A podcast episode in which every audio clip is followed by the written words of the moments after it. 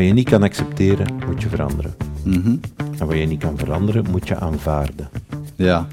En als je dat volhoudt, dan moet je altijd door in het leven. En dat blijf ik wel, dat blijf ik wel doen. Dat blijf ik wel ehm, of mezelf daaraan herinneren. En bijvoorbeeld, ja, mijn, mijn, eh, met een auto rijden gewoon, dat lukt niet. Ja. Zelf zeggen, ik heb nu zin om eens een toerke te gaan doen. Dat deed ik vroeger wel. Ik stapte de fiets op en ging eens... Dat gaat niet meer.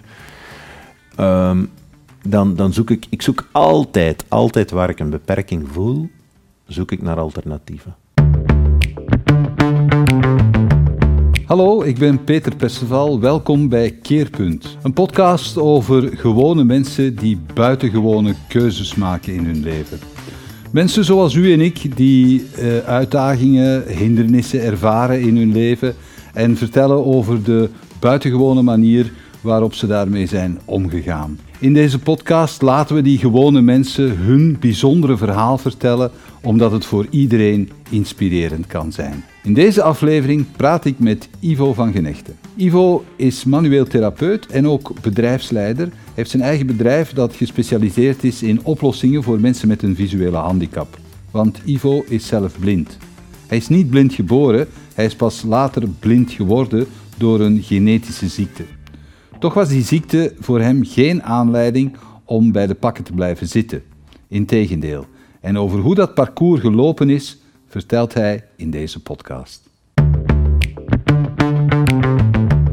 Welkom Ivo. Dank u. Bedankt Peter. dat je wil eh, te gast zijn in onze podcast. Ja, graag gedaan. Eh, als jij jezelf zou moeten omschrijven, wat zou je dan zeggen? Oeh, dat is onmiddellijk een moeilijke. Ehm, ik denk ehm, ondernemend, onrustig, misschien niet altijd succesvol in het ondernemen, ehm, open, empathisch. Ja, dat is genoeg, denk ik. Ja, dat is al veel. Stoort je dat, eh, dat, stoort je dat, dat je moet zeggen, ik ben niet altijd succesvol in het ondernemen? Ja, Waarom? eh, Dat is, een tamelijke frustratie. Ja, omdat ik... eh, er is iets...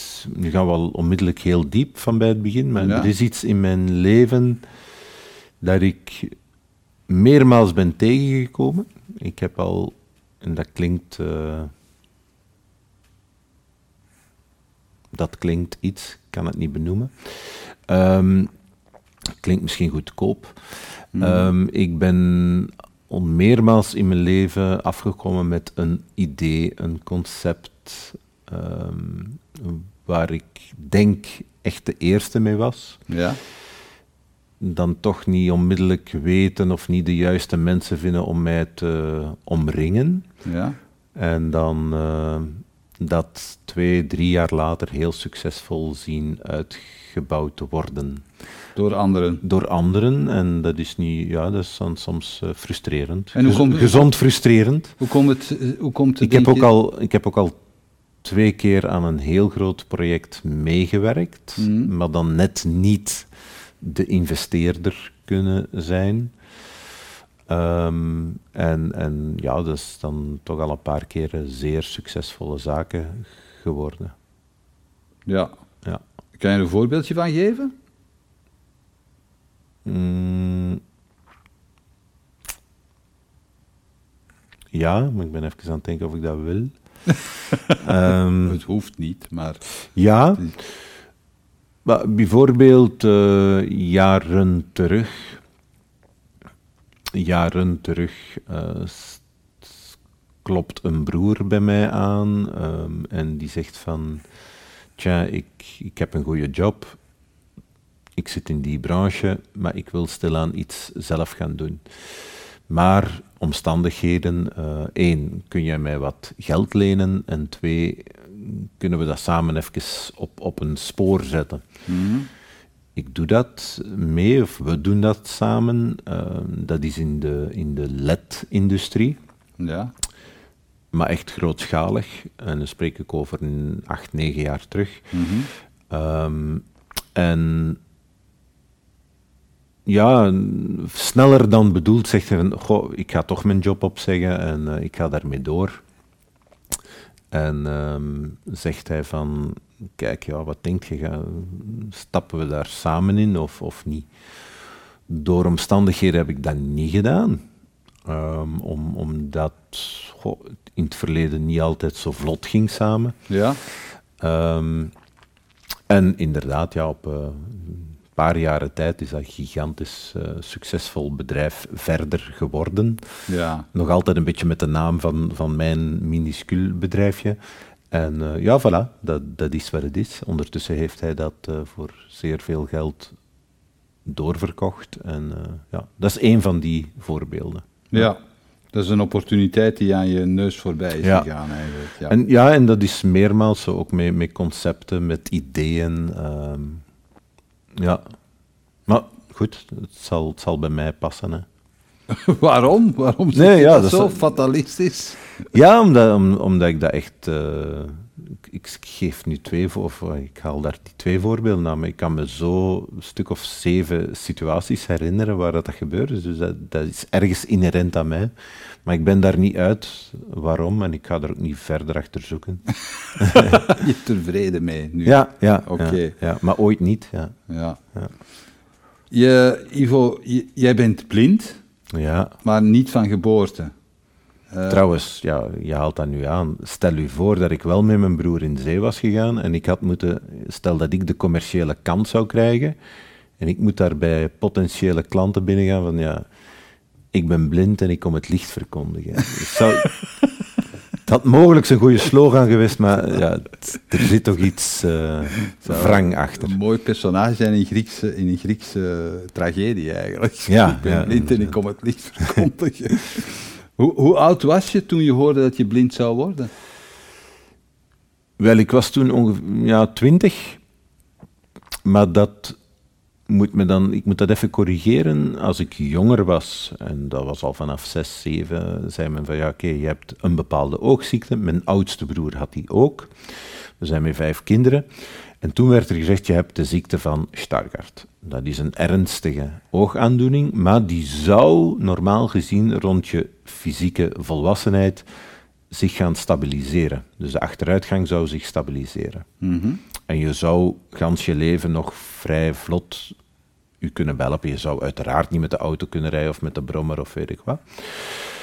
Maar ik had de indruk, als ik dan uiteindelijk uh, aan de UNIF begon, ik kon al lang uiteraard geen boeken meer lezen, dus ik, ik begon al in braille, of ik was al een tijd in braille aan het studeren, mm -hmm. met spraak um, en met alcoholstiften nog grote tekeningen maken. Maar dat bleef volgens mij toch achteruit gaan. En ik kon me dat toch vaststellen om het jaar ongeveer. Dus ik stapte Ja. terug naar het ziekenhuis. En dan kwam de diagnose dat, dat er een fout was gebeurd. En ehm, ja, dat het inderdaad geen Stargardt was, maar dat het RP zou zijn. Die dan wel zou leiden tot volledige blindheid. Oké. En je broer had dat ook? Op die Oudste manier? broer ook. Ja. Ehm, wa- wat was je reactie daarop? Eerste instantie?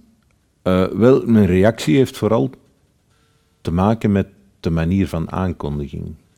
Dus die eerste aankondiging als ik jong was, Stargardt, ik kon daar eigenlijk heel vlot of heel goed mee leven. Ik had daar ook relatief weinig hinder van. Even heel technisch gaan. Stargardt, daar gaat het scherptezicht van achteruit. Dus boeken lezen werd altijd moeilijker. Ik herinner me nog, Jommeke, dat kon ik nog iets langer lezen dan Sus en Wis, want dat schrift was complexer. ja, oké. Ehm, maar op mijn twaalfde werd dat echt heel moeilijk, ook de boeken op school. En als ik dan terugging op mijn twintigste, ehm, kwam ik in het kabinet, onderzoek 1, onderzoek 2, en je voelt de spanning. En daar zaten uiteindelijk een aantal eh, jonge deernen, eh, studenten oogheelkunde. En die prof, die had al een bepaalde reputatie. en die zei toen tegen die studentes heel veel, maar allemaal in een soort, voor mij, Chinees of, of Medisch Latijn. Ja. En op een bepaald moment antwoord ik haar van, ehm, ja, alsjeblieft, wilt je nu ook eens aan mij zeggen? wat er aan de hand is, want ik voel dat dit niet klopt. En Mhm. uiteindelijk ben ik het of mijn ouders die de rekening moeten betalen. Dus ze praten eigenlijk over jou terwijl je Abs- erbij zat, maar, Absoluut. niet, en ik maar alsof kon, je doof was. Ja, en ik kon wel afleiden. Het ging over combs en rods en eh, staafjes en kegeltjes in de netvlies en degeneratie. En, dus ik voelde wel, dit klopt niet. Mhm. En ik geef die opmerking van, ja, wil je mij nu eens uitleggen wat er aan de hand is? Want ik, ik, ik of mijn ouders betalen hier de rekening. En het enige antwoord dat hij mij gaf was, heb je al een relatie? Ik zeg, "Eh, ja. ja, is dat al een vaste relatie? Ik zei, ja, nogal, want allee, ik was nogal een, een snelle jongen toen. En, en die, letterlijk, die antwoorden mij toen van, oké, als dat zo is, dan wil ik dat je jouw vriendin belt en zegt dat wij ons vergist hebben vroeger, maar je gaat blind worden en zij moet dus goed nadenken over haar toekomst. Oké. Dus uw vraag, om daar even op terug te komen, Ja, ja, hoe was uw reactie? Heel stil. Ja. Die was heel stil. En ehm, als ik buiten kwam, ja, je- dan krijg je wel even een slag van de molen. En, Had je het en- gevoel dat ze door, door dat op die manier te formuleren, dat ze eigenlijk tegen jou zeiden van je bent niks meer waard? Goh, misschien wel. Ik heb het zo niet bekeken, maar wel van, ik, ik zit hier met, met mijn zorg. Ja? Ik ben degene die, die ja, het, het, het, andere mensen moeten nadenken met wie zij hun toekomst nog zullen gaan uitmaken. Ja, dat is niet correct. Ja, dat, is niet, dat is echt niet correct. Dat is totaal niet professioneel. Die dame had een, een zelfs internationale faam in die tijd. Ehm, ik geef haar ook niet de schuld, of ik heb geen wrang gevoel rond het feit dat er een foute diagnose is geweest. Mhm. Ehm, en, maar wel over de manier van communiceren, over, over empathie, over, eh, ja, ik ben wel de patiënt. Ik ben echt wel de patiënt. En ze zagen, ze, ze zagen voor jou een, een leven van totale afhankelijkheid eigenlijk. Ja, van totale afhankelijkheid, eh, weinig kansen, ehm, het moeilijk gaan krijgen in je leven. Iemand anders last worden, want anders zeg je dat ook niet. Mhm. Anders zeg je ook niet van, uw vriendin moet eens nadenken of ze haar toekomst nog met u wil verder zetten. Ja. Ja, eh, zeer opvallend. eh, maar goed, ja, we hebben dat overleefd. Hè. Wie was je eigenlijk daarvoor in je jeugd? Wat was je voor iemand? Ja. Eh, jong, best actief. Toch altijd iets teruggetrokken. Mm, veel op mezelf. Want je had er al last van sinds je, je, je, je prille jeugd. Dan. Ja, absoluut. Hè. Dus op, op school kom je dan de klassieke de pesterijen tegen, die ik toch goed heb doorstaan, vind ik. Van ja, schele notter en eh, ja, dat kom je tegen, uiteraard. Dus op, op mijn zesde liep ik, moest ik al naar het bord lopen om daar te lezen, te onthouden en neer te schrijven. Dat is absoluut een zeer goede geheugentraining, die me later ook van pas is gekomen, denk ik. Nee, dat, Ja. dat is ook zo, ja. Ehm, dus dat, dat heb ik gedaan tot en met het vierde leerjaar. Ja? En het vierde leerjaar had ik een supergoeie leraar, ik herinner me dat nog. En de klas het vijfde, die stond bekend als een zeer, zeer streng persoon. ehm, met roepen, tieren en, en zelfs lijfelijke straffen nog. Ja. Ik ben van 66, dus toen kon dat nog. Ik ook. Eh, ik ook. Voilà. Ik ben er mijn haar aan wou. Dus ik, en die, die, die had de bijnaam De Boeren. ja. En ik hoorde die op een bepaald moment, he- sleurde die echt iemand tussen de banken door. En, to- en toen heb ik gezegd van ja, die, die, die vraag werd er al lang. Mijn oudste broer zat al lang op internaat in Brussel, een speciale school voor slechtzienden en blinden en doven. En toen heb ik tegen mijn ouders gezegd, ik wil ook naar die school. ja. Ik kon eigenlijk, ik had het voordeel dat ik goed kon studeren, dus ik kon ook best nog goed mee ehm, op, in de gewone school. En, eh, maar ik had zoiets van, hé, hey, dan, dan passeer ik dat vijfde leerjaar. Mm. Achteraf gezien spijtig, want ja goed, eh, er zijn er een aantal andere dingen gekomen. door omstandigheden, speciale school, weinig budget, uh, afhankelijk van subsidie, ja, is er dan een beetje met mijn tijd gespeeld, vind ik. Hoe, hoe wat, wat, wat, bedoel je? Ja. is een beetje met je tijd gespeeld. Wat is er dan gebeurd? Wel, ik kwam dan in het vijfde. Ik, ik uh, ja, ik kwam daar uh, uiteraard glansrijk door. Uh, ik kom in het zesde. Ik haalde toch wel zeer hoge cijfers. En dat was op internaat toen? Dat was op internaat. Dat ja. was in, bij de Broeders van Liefde. Dat is nog een element apart. Broeders van Liefde. En ik kwam in het zesde en ik kom daaruit met, ik denk, 94,5% of zo. Ja. Maar toch was dan het ding, ah, we moeten nog een 6B doen.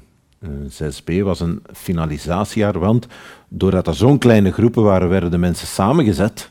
Mm Klas 5 en 6 zat samen. We zaten maar mee acht leerlingen of zo. Um, en dan zeiden ze, ah, we hebben de boeken net niet afgekregen.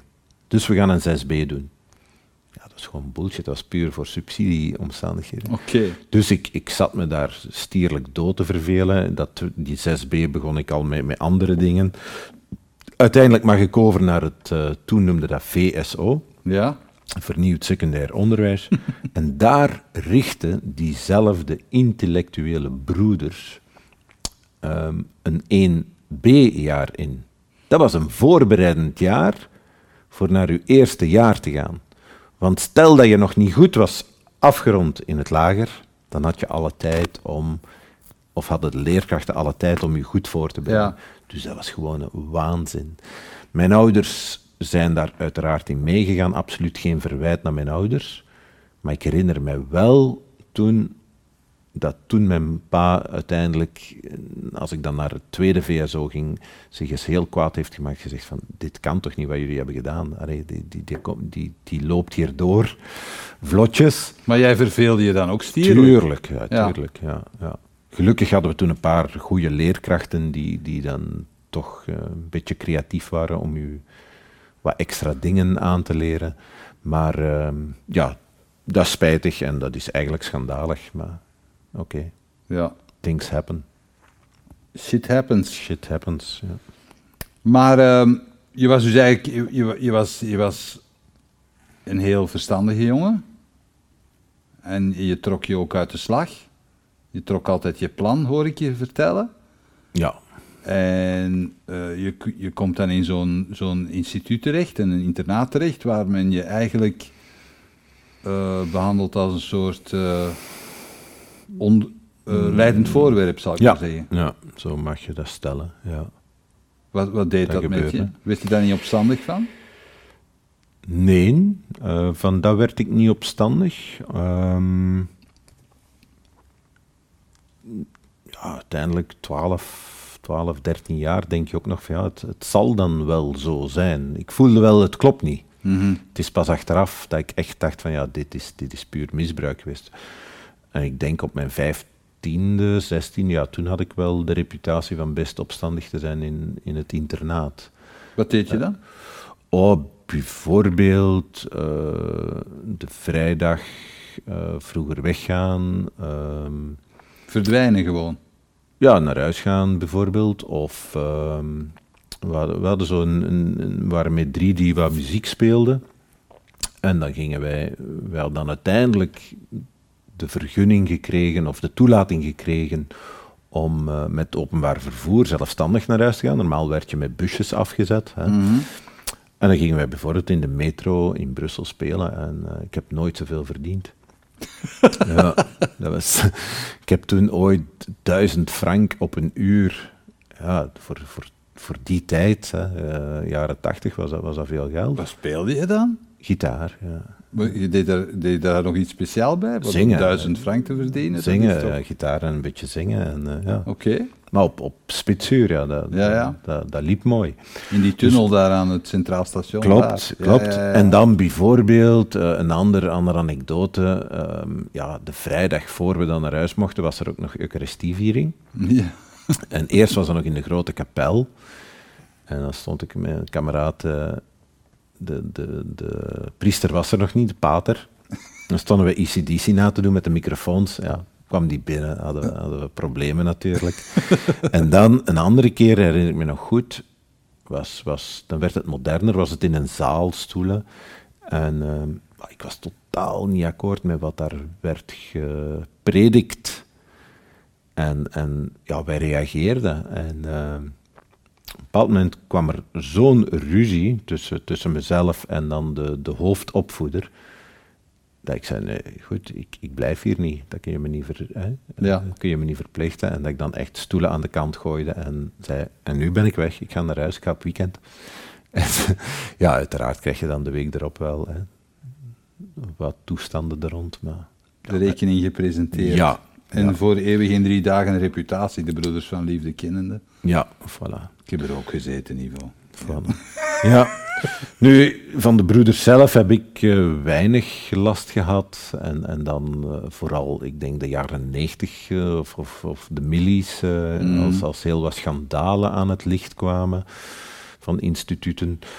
Ja, ik, ik, ik ben er op een voorzichtige manier niet van gespaard gebleven. Ik moet eerlijk zeggen, ik zelf niet door de broeders, maar ik heb wel één opvoeder gehad die, ja, die, die toch zijn handen ja, niet echt kon thuishouden. Mm. En dan... Was hij dat echt misbruik van de situatie? Hoe moet ik me dat dan voorstellen? Ja, één, hij dronk. En tegen dat wij van vier, vijf uur van de school kwamen naar de leefgroepen. Hè, en, en Ja. Had hij al wat op, was hij iets eh, loshandiger. En bij sommigen was dat dan eens een klets. Eh, ik had dan het spijtige... Ja, of het, het, het, eh, tot mijn spijt, ik zal het zo zeggen, tot mijn spijt, het feit dat hem zijn handjes iets te, te lieflijk gebruikte om eens te aaien en te zitten op plekken waar je niet hoort te zitten als opvoeder. Mhm. En ehm, ja, dat heb ik wel, ja, dat maakt je ook opstandig. Hè? Heb, je dat, heb je daar onmiddellijk iets tegen gedaan? Nee, of? ik was thuis niet in, of ik ben niet opgegroeid in een gezin waar je dat kon bespreken. Mhm. En dan zeg ik het misschien fout, want ik denk had ik het wel gedaan, dat mijn pa de dag erop daar had gestaan. Maar goed, ik had niet het gevoel dat dat thuis bespreekbaar was. Dat is correcter.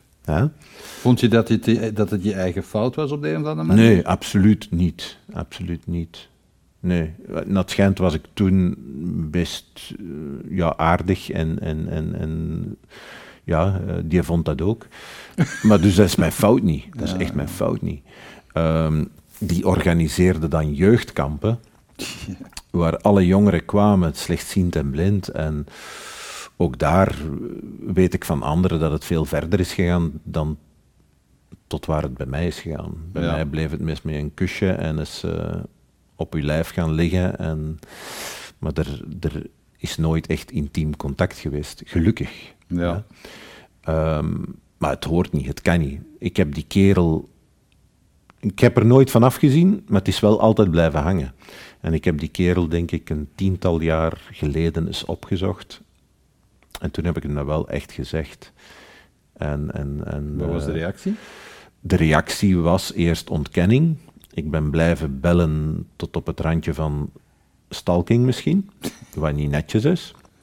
Ehm, maar die, uiteindelijk heeft hij gezegd van kijk, je moet mij ook begrijpen, ik ben zelf opgevoed in een instituut van Broeders van Liefde. Ik heb veel erger meegemaakt dan wat ik bij jou heb gedaan. Ja, ja, ja. Kunt je dat, ja. Dan kan ik het een beetje kaderen, maar ik kan het niet goedkeuren natuurlijk. Ja. Oké. En veel erger voor een aantal anderen waar ik weet die, die er veel meer eh, miserie mee hebben doorgekend. Hè. Mhm. En ook met broeders. En, ja. Ja, dat is, eh, dat, is een, eh, dat is een heel dik boek dat we daar Ja. eens over moeten open doen. Ja. Ehm, je aandoening is genetisch. Ja. Dat wil zeggen dat ook andere mensen in jouw familie het hebben. Ja. Eh, ja, dus mijn oudste broer, zoals ik zei. Ja. Hoe, hoe gingen zij daarmee om?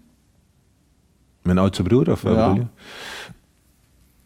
je? Mijn oudste broer, ik denk tot, tot eh, dezelfde evolutie. Dus eerst krijg je de evolutie dat je scherptezicht achteruit gaat. Dus lezen, eh, ja, details zien wordt allemaal moeilijk. Maar wij allebei hebben zich goed kunnen behelpen. Ik denk dat ik tot mijn 35ste nog met de fiets reed. Ehm, ik weet dat ik op mijn zestiende sneller met de fiets van Averbode in Wustwezel was dan, dan met de trein. Ik kan ook veel zeggen over de NMBS, ofwel zegt dat heel veel over mijn prestaties. Of over het feit dat je geen groene lichten of rode lichten zag. ja, wie weet. Dat kan ook. Ja. Maar, maar uh, dus dan gaat dat eigenlijk, want je kan, zolang je je periferizicht hebt, ja. kun je nog heel veel doen. Ja. Je kunt zelfstandig wandelen, je kunt de straat oversteken, je kunt, uh, ja. Um, ik zag het groen licht, heb ik nog heel lang gezien. Ik zag een groen plekje. Mm -hmm. Nooit is dat een manneke of is dat een licht. Ja. Dus dat is dat.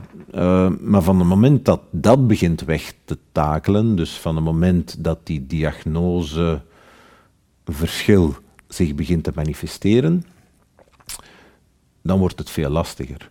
En bij mijn broer heeft zich dat geuit in ja, enorme frustraties, drank, agressie, um, ontkenning.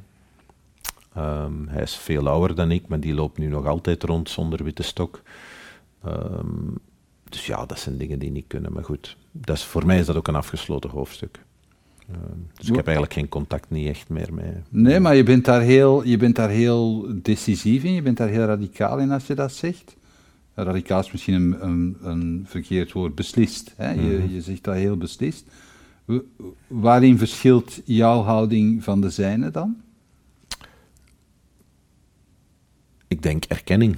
Uh, erkenning, uh, aanvaarding. Mm -hmm. Dus hij heeft dat nooit aanvaard. Heeft dat ook nooit durven tonen. En dan krijg je een heel groot probleem. Als jij die handicap niet durft te tonen, dan kun je ook niet verwachten van buitenstaanders om respect te hebben. En kun je ook niet verwachten dat die. Ze moeten geen medelijden hebben, maar ze moeten wel dingen of, of, of, of af en toe eens ter hulp schieten. Als ik met een witte stok mij in een station beweeg, mensen komen. Niet iedereen, hè? absoluut niet iedereen. Ja. En ik heb ook andere voorbeelden gekend. Maar men komt, men komt echt wel. Kan ik u helpen? Kan ik iets doen? Mm -hmm. Ik heb ook een geleide hond als je dat met de geleide hond doet, is die, is die behulpzaamheid veel minder, omdat men ervan uitgaat, die hond doet alles. Dat is daarom niet zo. Hè? Want die hond weet niet, moet je de derde trap of de vierde of de vijfde. nee, dus dat, dat, dat, maar goed, ik, ik, ik, ik snap dat van, van de mensen. Maar als je dat niet toont, zoals mijn broer, als je dat niet toont, mm -hmm. dan kun je ook niet verwachten dat mensen u gaan helpen. En dan kom je heel vaak sukkelachtig en, en sullig over. Want dan ga je zelfs situaties hebben waar mensen niet doorhebben dat je blind bent, maar dat ze denken dat je ladderzat bent of stoned ja. of uh, ja. Is het een, uh, is het een, een, een probleem van je kwetsbaarheid niet durven tonen dan? Ja, absoluut. Ja, ja? ja absoluut. Ja. En ja, daar heb ik, gelukkig heb ik het daar nooit echt moeilijk mee gehad, denk ik. Ja je wordt wel een, je, je wordt, of je dat nu wel wil of niet, je wordt een stuk afhankelijk. Hoe heb je ja. daarmee afgerekend? Die afhankelijkheid die is gegroeid. Dus ja, die blindheid, ik wil dat toch wel even schetsen, want we hebben nu jong en 20 jaar en, en, mm -hmm. en nu 54. Hè. Ja. Daartussen zit er een, een, een, grote evolutie. Zoals ik zei, ik herinner me dat ik nog op mijn 35 met de fiets reed. Dat is heel beredeneerd. Ik ging op mijn, uh, ik denk, ja, ook, laten we zeggen 35, 40, ging ik skiën met mijn kinderen. Mm -hmm. um, mijn toenmalige partner die, die, ja, die skiede niet, dus ik ging soms alleen skiën met de kinderen, wel met een organisatie. En ik weet dat mensen zeggen, die is, die is gek. Die is gek dat hij dat nog alleen doet. Want ja. er zijn veel blinden die gaan skiën, maar dan doe je dat met een begeleider. Ja. Met belletjes of tikbewe- uh, tikgeluiden enzovoorts mm-hmm. enzovoorts. Er zijn verschillende technieken. Ik doe heel veel dingen in mijn leven heel, heel, heel beredeneerd. Zoals skiën ook. En, en dat kan. Als je daar heel wat dingetjes in gaat toepassen, van ah, er komt iemand voorbij, ik ga in die zijn skizog, hè, um, in zijn skizog hangen, dan kun je die een heel stuk volgen. Met dat Veilig. minimaal zicht dat je nog hebt. Ja, Ja. Ehm, met dat minimaal zicht, maar, maar dat kan je alleen doen als je puur op, redene- op, op beredeneerdheid afgaat. Ja. Want als die dan beter skiet, soms waren er zo, dus als die dan beter skiet dan ik, dan verlies ik die en wordt die afstand groter. Dan moet je op een bepaald moment zeggen, oké, nu hou ik in. En er komt wel eens terug iemand voorbij en dan kun je terug aanklikken. Dus dat, zijn kleine technieken die ik toen gebruikte. Hetzelfde met de fiets. Ik weet dat op een bepaald moment, ik fietste nog alleen van Heverlee naar Leuven Centrum, enkel wegen, routes die ik goed kende. Mhm. Toch durf ik zeggen dat ik dat veilig deed. Ja. Maar dan achteraf, jaren later, komt er dan toch iemand die zegt van... "Oh, ik heb u ooit daar gezien en wij, wij waren absoluut een beetje boos dat, dat dat toch niet kan. Ja, ik snap dat, ik snap dat. Maar ja, dat is een heel moeilijke grens. En die grens is van tussen uw twintig en heden. En op om op uw vraag terug te komen van... Ja, van een moment, op een bepaald moment verlies je die, die Vrijheid, zelfstandigheid, ja. die vrijheid. Ja. En, de, en voel je de afhankelijkheid. En bij mij is dat, tuurlijk is er die ook al langer geweest, maar is die er vooral de laatste tien jaar. Hmm. En ja, dat is misschien wel het moeilijkste Oké. tot op heden. Eh, ik hou van snelheid, ik hou van mooie auto's. en, eh, en Je ging iets anders zeggen? en ja, dat is, dat is, dat is lastig. Ehm, dus ik kan nooit zeggen, ik pak een auto of ik pak de motto en, en ik doe dat wat ik misschien graag had willen doen. Maar je hebt mij ooit eens en verteld dat je je nog wel triest- met de, met de wagen rijdt. Soms. Ja, ja, nu niet meer, maar ik heb dat nog gedaan. Dus op de- ik, ik woon op een parking van een supermarkt. Ja. heb ik dat gedaan. Eh, ik heb dat op een heel grote parking van een recreatiedomein gedaan. Ehm, Gewoon om het ik gevoel heb dat, nog eens te hebben. Ja, ik heb dat Ja. op het circuit van Zolder gaan doen, met een, met een, ja, een, een, een, een expert van daar uiteraard. Ah, ik dacht al dat je ging zeggen met een geleidehond. Ik, ik stelde mij dat En, voor. en ik heb dat één keer gedaan als ik van het restaurant kwam. Dat is niet zo lang geleden. Ja. Dus ik was op restaurant en mijn, mijn partner die zegt... eh, of die parkeert zich. Het zijn allemaal scheve parkings en die parkeert zich. En we komen terug. En zij wil uitrijden en volgens mij maakte ze een grote fout. Dus ze draait zich zo weg, waardoor u... Voilà. Dus ik zeg, nee, dat moet je niet doen. Je moet je stuur zo zetten, achteruit, die parking afrijden. Ik zeg, je gaat, je gaat sowieso die auto raken. Maar dat zijn discussies die jij voert met je Ja, partner in de wagen. Ja, ja. En dan zegt zij... Natuurlijk. Ze heeft nogal wat temperament. En ze zegt, weet je, als het zo zit, rijd dan zelf. Ik zeg, ja. Ik zeg, als het moet wel. Zij stapt uit. En ze komt, dus ik ben inderdaad achter het stuur gaan zitten. En ik heb die auto eh, feilloos eruit gereden. En dat ging vlotjes. Eh, dus al wat ik toen zag, zijn ja, lichten. Mhm. Lichten. Dus het was uiteraard donker al, hè, nacht. Ja. En eh, dat, dat lukt allemaal. En op een bepaald moment komen we op de, op de iets grotere baan. Maar daar mag je maar 30 doen, dus dat is, dat is een Ja. kasseibaan. Ja, en dan werd het wel lastig. En dan zei ja, iets meer naar rechts, iets meer naar rechts. Maar va, we zijn, we zijn thuis geraakt. Dus eh, ja, dat, dat moet kunnen. Maar om, om te zeggen, daar voel je dan wel... snelheidsovertreding. Nee, nee, nee. nee. maar, eh, dus dat zijn situaties waar je dan zegt van oké, dat is... eh, ja, daar voelt je wel het, het opheffen van je vrijheid. Ehm, ook als je eens zegt van ja, ik wil nu echt dat eens doen Mhm. en uw partner kan niet, heeft niet de tijd of wil dat niet. Het is, ja, dat is, dat is lastiger. Ja. Ja. Ja. Maar, Ehm, maar je, je hebt niet de reactie van, ik ben... Ik kan daardoor niet leven, dat is niet, eh nee, nee. En niet dat heeft- leefbaar. Nee. En dat heeft twee, of, of dat, die vraag doet me aan twee dingen denken. Eén, er is een beetje een slogan. Ik hou, normaal probeer ik niet zo volgens slogans te leven. Er zijn er veel te veel. Ehm, maar één, één van die is toch wel, wat je niet kan accepteren, moet je veranderen. Mhm. En wat je niet kan veranderen, moet je aanvaarden. Ja. En als je dat volhoudt, dan moet je altijd door in het leven. En dat blijf ik wel, dat blijf ik wel doen. Dat blijf ik wel... ehm, of mezelf daaraan herinneren. En bijvoorbeeld, ja, mijn, met een auto rijden gewoon. Dat lukt niet. Ja. Zelf zeggen, ik heb nu zin om eens een toerke te gaan doen. Dat deed ik vroeger wel. Ik stapte de fiets op en ik ging eens... Dat gaat niet meer. Ehm, dan, dan zoek ik... Ik zoek altijd, altijd waar ik een beperking voel, zoek ik naar alternatieven. Oké. En bijvoorbeeld op, op dit vlak is dat... Dan ga ik naar... Ja, zoeken naar een, een leuke sportwagen. En ik heb bijna altijd al, al iets gehad in die genre.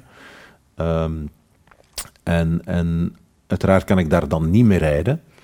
Maar als dan mijn partner ermee rijdt, ja, dan heb ik wel het gevoel, het extra gevoel, wat veel mensen wel eens overdromen. Maar ik heb dat dan wel van, oké, een leuke auto, eh, power, eh, cabrio, de wind, ehm, enzovoort. En ja, sommigen vinden dat dan eh, materialistisch of weet ik wat. Maar goed, voor mij is dat het alternatief ten opzichte van die beperking. Mhm. Ehm, ja, en, en zo, zo gebeurt dat meer met, met dingen. Ehm, ik weet dat ik vroeger ja, enorm kon genieten van, van een mooi, mooi gebouw, een mooie stad. Dat valt, dat valt weg. Dat valt weg. Ehm, of dat is weg. Ehm, ja, ook, ook daar zal ik... Ik zal een stad op een andere manier leren kennen, proberen te kennen. Ehm, ik, ik ik durf bijvoorbeeld, ik was nu vandaag, eh, om hier te zijn, waren we vroeger in Antwerpen. Ja, ik, ik ken Antwerpen behoorlijk goed door Ja. daar gewoon op te slaan. En, en, en ik zoek dan een beetje de, de, de, de voldoening in het feit dat ik die stad kan doorgaan, dat ik mijn partner kan gidsen in Antwerpen bijvoorbeeld. Zie je wel, maar je, ehm, je hebt daar ook eh, de middelen toe verworven om, om dat te kunnen doen. Hè? Je hebt, eh, je hebt een, een, eh, een eigen bedrijf gehad, of nog. Hè? Je, hebt, je hebt ook een, een praktijk als manuele therapeut, had ik begrepen. Hè? Ja. En ehm, dat, is, dat is ook een, een, eh, een, een stuk van dat verhaal, hè? want je hebt ook mensen die, denk ik, eh, zich helemaal laten hangen en dan Ja. in een, Ja. in, in, in, eh, van, van, van de Van de drop beperkingen, ja. terechtkomen eigenlijk. Ja. Waarom is dat bij jou niet gebeurd? ja, Heb je daar een verklaring voor? Een verklaring niet echt. Ik heb dat altijd wel gevoeld. Ik ben altijd een, een vechter geweest. Ik heb mij altijd willen bewijzen. Ehm, want je had even goed achterover kunnen Ja. zitten, gaan zitten en zeggen van ik ga nu van mijn uitkering leven. En- ja, klopt. Ja. Ehm, ja, inderdaad. Dus één, ik denk dat dat al begonnen is met, met eh, heel jong. Ik heb, een, ik heb daar straks een bepaalde frustratie uitgelegd die ik vind die inherent is aan mij. Van, Mhm. heel vaak zeer creatieve en, en ideeën te hebben, maar te laat met de uitwerking enzovoort. Aan de andere kant he- heb ik altijd gevoeld dat ik een heel sterke adaptatie in mezelf heb. Ja. En dat kwam al tot uiting op het lager. Ehm, en ja, je, moet, je gaat naar het bord, je moet dat onthouden en je gaat dat opschrijven. Dat is Mhm. eigenlijk al een manier. Dus je kweekt een sterkte aan. En, en dat is een, een bijkomend punt, en dat komt hier door elke beperking kunt je jezelf meer, meer kracht geven ook. En ehm, ik herinner me nog in het vierde leerjaar schreef ik nog alles met een gewone balpen. In het zesde leerjaar werd dat met, met een iets dikkere. In het humaniora werd dat eh, met, met een, een dunne viltstift. Op een bepaald moment, dat schrijven dat gaat automatisch. Maar daar wordt de hoeveelheid leerstof ietsje meer, tegen het einde nog meer. En je, voelt van, oei, ik krijg dat niet meer herlezen. Dus, en je past je continu, continu aan. En dan ging ik in plaats van gewoon te schrijven, ging ik in losse letters schrijven, Ja. gespatieerd. Mhm. En nog een jaar later begon ik kleine drukletters te schrijven. En nog later werd dat met, met een dikkere stift enzovoort. En je past je aan. En uiteindelijk, ehm, zat ik, herinner ik me in het zesde humaniora, ik had zoiets, oh, mijn zicht blijft achteruit gaan, terwijl dat ze zeiden van, ja, dat gaat stoppen. En mm, mijn excuses voor alle psychologen en advocaten die dit zouden horen. Ik weet dat ik toen tegen mijn klasleraar eh, zei en de directeur zei van, ik ga voor iets gemakkelijk gaan. Ik ga Ja. naar Dunif, maar ik ga voor psycholoog of advocaat. Nogmaals mijn excuses. Waarom deed ik dat? Ja. Ook weer onbewust, omdat je dan weet van, hé, dat is allemaal puur tekst. Ja. Dat kan ik van buiten leren, ik kan dat laten opnemen, ik kan dat luisteren, ik leer dat van buiten. En... Maar één van die, of twee leerkrachten, die zei, maar jij bent zo sterk in wiskunde eh, en economie, je- zou je daar niks mee doen? Een beetje onder druk of, of, of motivatie, onder extra motivatie van hun, ben ik dan toch aan de studies begonnen van handelsingenieur. En het was in dat eerste jaar dat ik dan de, de, de, de diagnose kreeg van, oeps, je gaat volledig blind worden. Als er Ja. nu één richting is waar cijfers, chemie, statistiek, grafieken en dergelijke van belang zijn, ja, dan, dan is het onder andere die richting.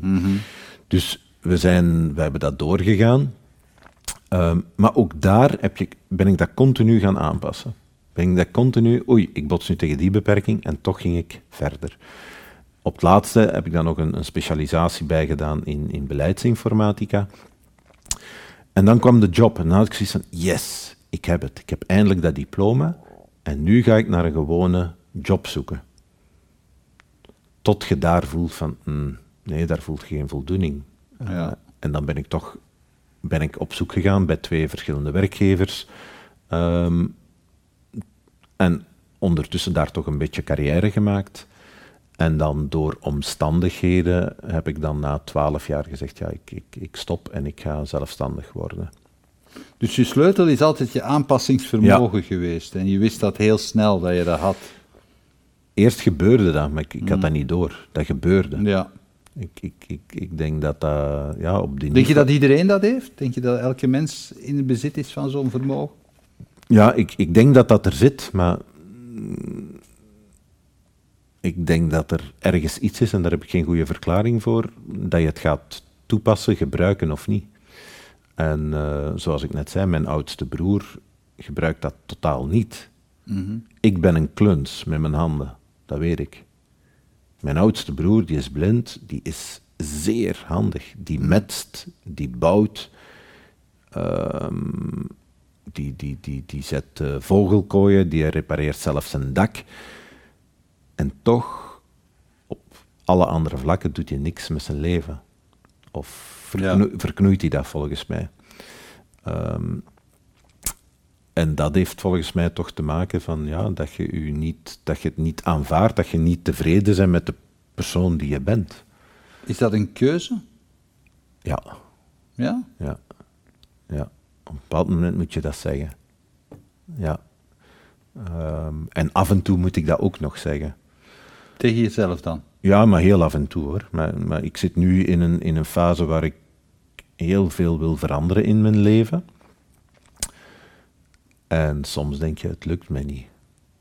Ik broed al jaren op nieuwe wegen die ik wil inslaan. Ehm, omdat wat ik nu doe. Ja, je, je, je, je kwam aan van, of, je gaf aan van, oké, je hebt twee zaken gehad. Eh, dus ik heb voor twee werkgevers gewerkt. Ik denk, of ja, ik ben er zeker van, met, met grote tevredenheid van hun. Ik heb daar een mooie carrière uitgebouwd. Maar dan door privéomstandigheden heb ik op een bepaald moment beslist, ik ga meer tijd maken voor mijn kinderen en, en, en zelfstandig worden. Ja. Ehm, al gauw blijkt zelfstandig worden en tijd voor je kinderen, dat is ook niet zo evident. Dat is een Maar- verkeerde maar- conclusie. ja. maar ik heb dat toch gedaan en ik heb daar geen spijt van. Maar de laatste jaren bleek dan, oei, ja, zo, het, het is moeilijk om, om verder succesvol daarin te zijn. Eh, en zoek ik naar nieuwe pistes. En daarin kom je dan soms puur in je creativiteit en je brein op bepaalde ideeën, maar waar de visuele beperking, de blindheid, niet toelaat om dat direct te doen. Ehm, uiteraard weet ik dat dan de eerste regel is van ja, dan moet je je goed laten omringen. Ja. Maar op momenten dat het financieel niet meer zo goed gaat, is dat ook niet zo evident. En dan blijft het zoeken en moet je jezelf af en toe zeggen van oké, moet... Maar je, je, je zegt dat nu van, op momenten dat het financieel niet zo goed gaat, is dat niet evident? Is dat dan omdat je denkt van, ja, ik moet hul, als ik hulp vraag, moet ik daarvoor betalen? Of moet ik Ja. die mensen wel vergoeden? Ja. Ja, ja, Terwijl er zouden ook mensen kunnen zijn die zeggen van, ja, maar ja, Ivo, dat is een goed idee, ik stap ermee in. klopt. Ja, ja. Ben, ik, ben ik zeker mee bezig geweest, ja. ja. Maar dat is er ook niet Ik geef-. Ja, wel, ik, ik, ik, ik, geef een ander. Ik geef een ander. Uh, Een ander voorbeeld, heel concreet. Drie jaar geleden ongeveer, denk ik. Wij, mijn vriendin en ik, wij zijn eh, enorme gulle sponsors Mhm. van de horeca in, in Leuven en Antwerpen. ja. En eh, wij. Ik snap niet dat we nog altijd op restaurant gaan, want eigenlijk hebben we altijd gigantisch veel kritiek. Vooral onderling. En alleen als het echt fout gaat, gaan we de mensen aanspreken. Ja. Maar wij zien zoveel dingen fout gaan. En op een bepaald moment, door dit en dat, kom ik op, op het volgende idee. Dat is om uw servies ehm, temperatuur gestuurd te maken. Ja. Oké? De, eh, ik Ik ben blij dat je denkt. Ik ben, zie het niet goed. Goed, daar, daar ben ik heel blij voor. Dit, dit vult mij aan. Ja. Dus, dus dat betekent dat, zoals ze in elk degelijk restaurant doen, dat uw bord voorverwarmd is en Ja. dan uw steek daarop. Hm? Dat gebeurt in sommige restaurants. Wat is het nadeel? Je moet echt al zeer goed eh, serveren en bla bla bla en de juiste uitrusting hebben om dat effect iets te hebben. Maar wat krijg je? Dat bord is na twee minuten afgekoeld enzovoort.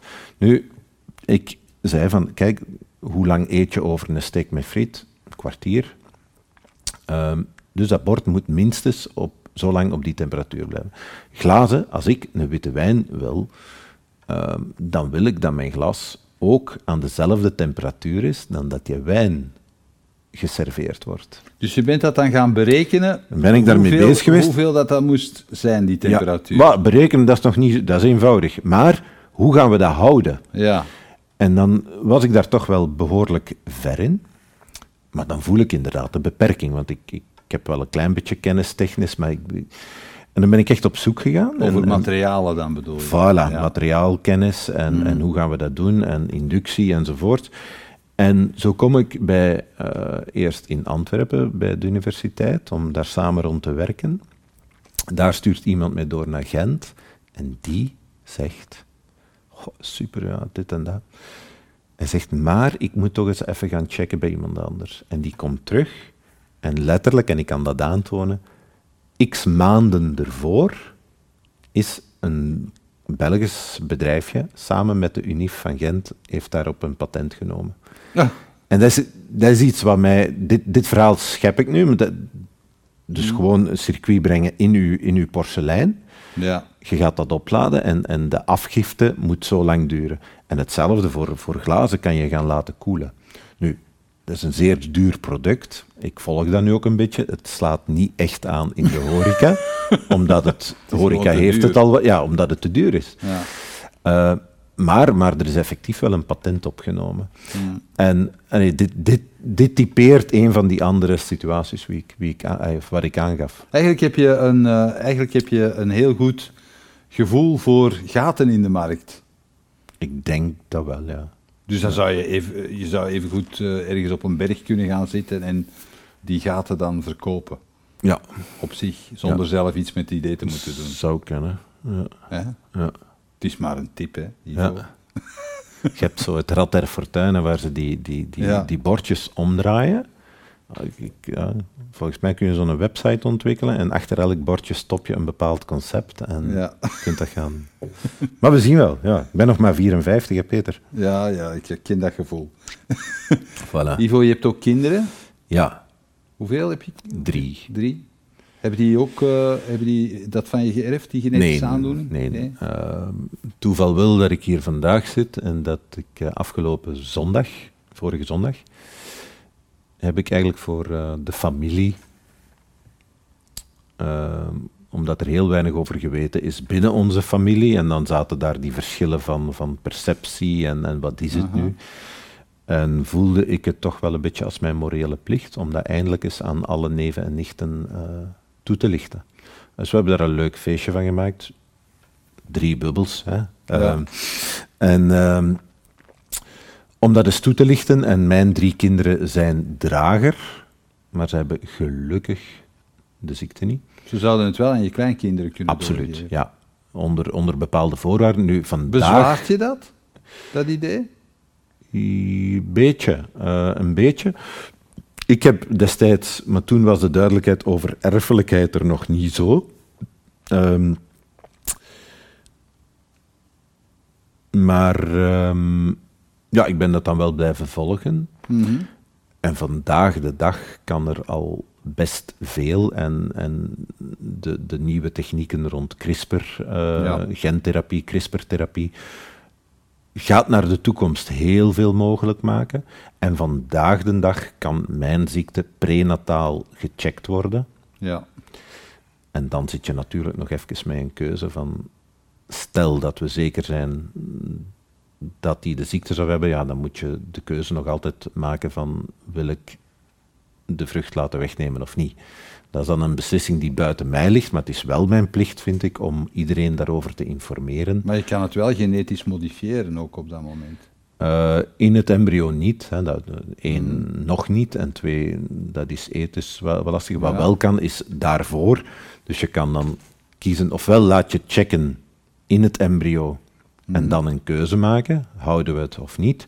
Ofwel kan je het voordien ehm, tot acht, ehm, één cel laten splitsen naar twee, vier, zes, acht. Ja, ja. En dan kiezen welk laten we, ja, hoe noemt dat dan? Implanten of eh, Ja.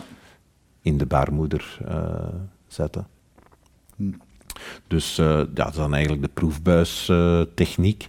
dus dat kan. Dus vandaag kunnen ja, mijn kinderen en neven en nichten toch wel ja, een gegronde keuze maken. En, Ja. en dat vind ik wel, ja, dat vind ik wel goed om mee te nemen. Ben je, vind je het jammer dat je in jouw tijd die keuze er niet was? Voor mijn kinderen, Voor, ja, t- toen ik de keuze moest maken. ja, ja. Mm, ik stond er toen anders tegenover, eh, omdat ik mij toen, ah, ik voel me nog gelukkig, eh, maar ik voelde me toen perfect gelukkig en ik had ook het gevoel dat ik eh, zeer goed kon functioneren in de maatschappij. ja. Ehm, en ik had zoiets van, als mijn kinderen dit moeten, me liever niet, maar als een van de drie het zou hebben, goed, dan zal ik wel in mijn opvoeding proberen mee te geven van hoe je ermee kan omgaan. Ja, ja. En, en, en kan ik het voorbeeld geven. Eh, dus dat was toen de visie. Maar toen was het ook nog niet zo duidelijk ja, hoe, hoe ernstig het zou kunnen zijn. Wat zijn nog jouw passies in het leven? Mijn passies in het leven zijn zeker eh, genieten. Mhm. Eh, lekker eten, lekker, lekkere wijnen, ehm, Snelle wagens? snelle wagens en snelle vrouwen, maar dan op zijn Westvlomsch. hè. Ja. Snelle woeven. Ehm, dus eh, nee, ja, snelle wagens. ehm, maar ehm, ja, en ook, ook reizen, absoluut. Dus eh, ik ben net terug van Spanje. Sorry voor de luisteraars, maar ik ben dubbel gecheckt. Eh, Lapland staat voor de deur. Hopelijk kan dat doorgaan. Dus daar ga ik ja, ja, met, de, met de rendieren en met de honden en met de scooter, met de sneeuwscooter. eh ja, het wordt een heel actieve vakantie. Eh, en dan Spanje wacht eigenlijk wel op ons, dus we gaan daar zeker iets doen, definitief. eh, of, of een beetje mix met, met België. Ja. Maar dat staat op korte termijn toch wel ja, voor de deur. Als jij jezelf nu zou tegenkomen, hè, als, je, als 16-jarige, stel dat je jezelf tegenkomt als 16-jarige, wat zou je dan zeggen? Hmm. En weten wat ik nu weet. Natuurlijk.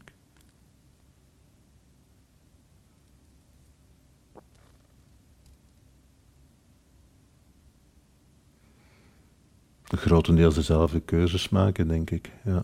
Ja? Ehm, grotendeels wel. Dus twijfel niet aan je keuzes, twijfel niet aan jezelf. Nee, eh, doordoen, Heb jij ooit businessgewijs, eigenlijk? businessgewijs eh, denk ik dat ik tips zou kunnen geven van pak dingen anders aan. Mhm.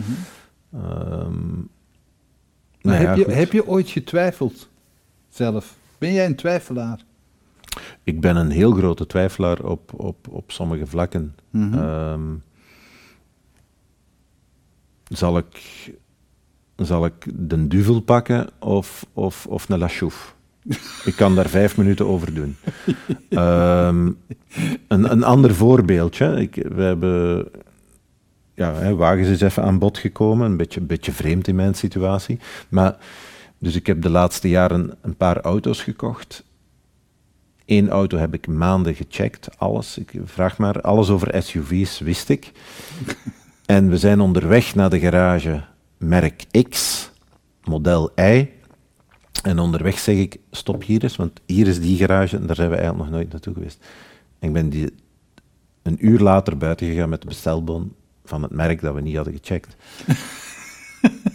dus ik wist alles over, over Jaguar SUV, BMW SUV en, en, en ehm, Alfa Romeo. Ja. Ehm, en uiteindelijk is het een Volvo geworden.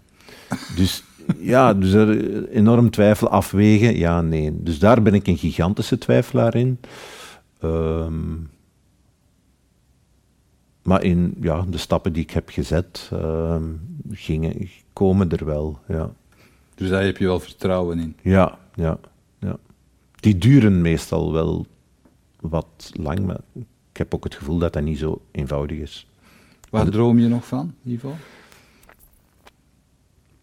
Eh, een leuk huisje in Spanje.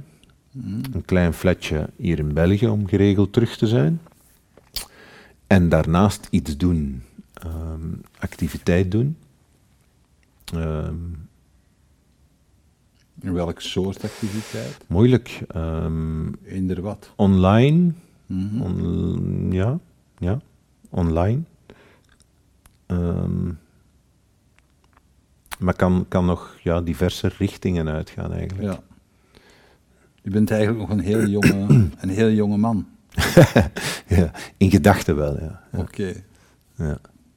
Dat is dan ook het voordeel, dat je niet je, tegen je spiegelbeeld zit aan. Ja, dat zou eh, ontgoochelend kunnen, kunnen zijn. Nee, eh, ja, online, eh, weet je, mobiliteit is zelfs voor jullie een groot probleem aan het worden. Mhm. Eh, wij doen toch wel 40.000 kilometers nog altijd per jaar naar Ja. klanten toe enzovoort. Dat willen we niet meer. Ehm, online heeft veel kapot gemaakt. En online nog iets doen is, is, is best lastig. Mhm. Ehm, maar ik speel met, met een idee voor, voor zeer exclusief product online te doen. Ehm, anderzijds ehm, heb ik een, een, een, een soort social media platform uitgewerkt op, op papier, waar ik een tijd geleden mee aan het spreken was met verschillende mensen die, die wat zakelijker eh, Ja. meer ervaring hebben om, om te zien of dat, dat iets is, naast, eh, ja, mm, naast wat er al bestaat. En die dingen boeien mij al heel fel om ermee bezig te zijn, maar heel graag wil ik er eh, toch het volgende jaar met een van die ideeën echt iets gaan, eh, echt iets gaan doorduwen. Ja. Oké, goed. Spannend. Spannend, ja. Ik wens je daar eh, heel veel plezier mee. Dank u. En een, een fijne tijd. De komende reizen. Ja, Bedankt dat je bij ons wilde zijn. heel graag gedaan. En tot wederhoren, hè, want wij horen elkaar wel eens. Oké, tot ziens. Bedankt dat je keek naar deze aflevering van Keerpunt. Wil je op de hoogte blijven van nieuwe afleveringen en nieuwe interessante gasten? Abonneer je dan op onze nieuwsbrief via www.inspiringspeech.be. Iedere twee weken brengen wij een nieuwe aflevering online op inspiringspeech.be, YouTube, Vimeo en Soundcloud. Tot ziens.